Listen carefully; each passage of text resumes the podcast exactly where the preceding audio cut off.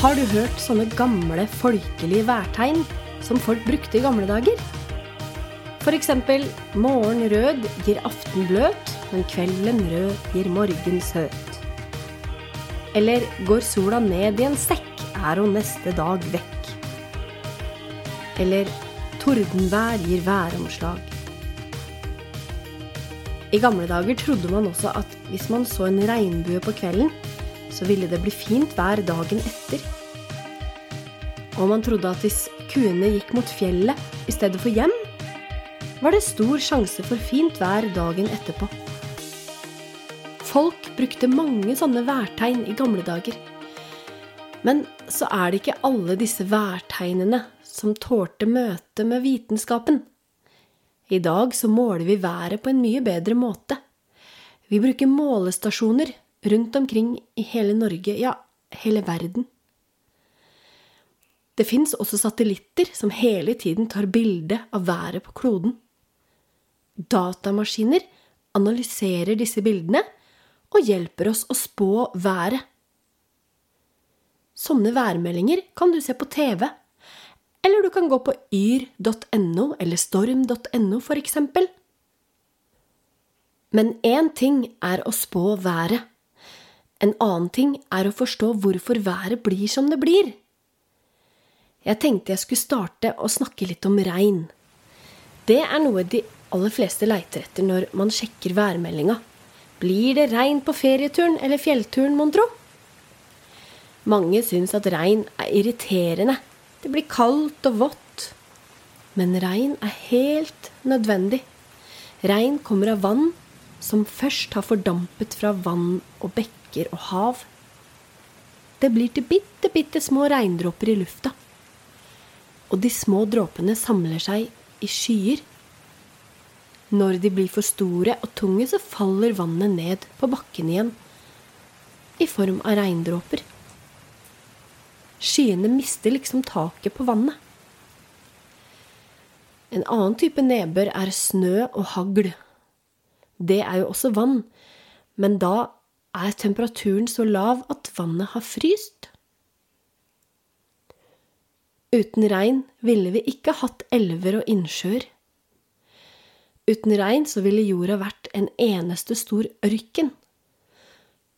Noen ganger kan regnet bli til skikkelig uvær gjerne i kombinasjon med lyn og torden. Da er gjerne skyene store og mørke. Lyn og torden er egentlig samme sak. Tordenskralle er rett og slett lyden fra et lynnedslag. Det er bare det at lys reiser mye raskere enn lyd. Derfor så hender det at vi hører tordenskralle litt seinere enn vi ser lynet. Lyn kan være farlig. Lynet kan varme opp lufta rundt seg til 30 000 grader. Det er fem ganger så varmt som solas overflate. De fleste lyn treffer aldri bakken, men iblant skjer det, og da kan det slå ned i et hus eller et tre. Men hvordan blir det egentlig til? Ja, noen dager blir det veldig varmt og litt klamt i lufta. Da blir også bakken varm. Men lenger opp i lufta så er det fortsatt kaldt. Og enkelt sagt så kan vi si at når den kalde lufta møter varm luft lenger ned mot bakken, så oppstår det elektrisk spenning. Og elektrisk spenning, det lager gnister. Det er eh, som når du tar på et dørhåndtak og får støt. Har du prøvd det? det er en liten gnist. Et lyn er en veldig stor gnist. Eh, lyn kan skje inni en sky eller mellom skyer, eller mellom en sky og bakken. Så til slutt så skal jeg snakke litt om vind. Vinden er jo også en viktig del av været.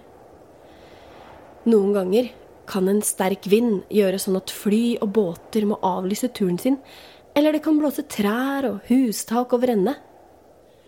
Vind, det er luft i bevegelse. Vind blir til når sola varmer opp luften, og den varme luften er lettere enn kald luft og stiger oppover. Dermed går den kalde lufta nedover, og disse bevegelsene er det som er vind. noen ganger små bevegelser, andre ganger blir det kraftig vind.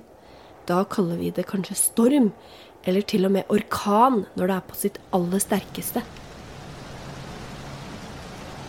En orkan blir til når sola varmer opp en del vann fra havet, sånn at det fordamper, og deretter eh, går dette her i sirkler oppover i atmosfæren. Og hvis disse sirklene blir kraftige nok, så kan det bli en orkan. Ordentlig kraftige orkaner kan bare skje på tropiske steder, så vi vil aldri oppleve det i Norge. Men vi kan oppleve litt mindre orkaner og storm og kraftige vindkast stadig vekk. Da fikk du et lite lynkurs om været. I neste episode skal jeg snakke litt mer om vannet og, og vannets kretsløp.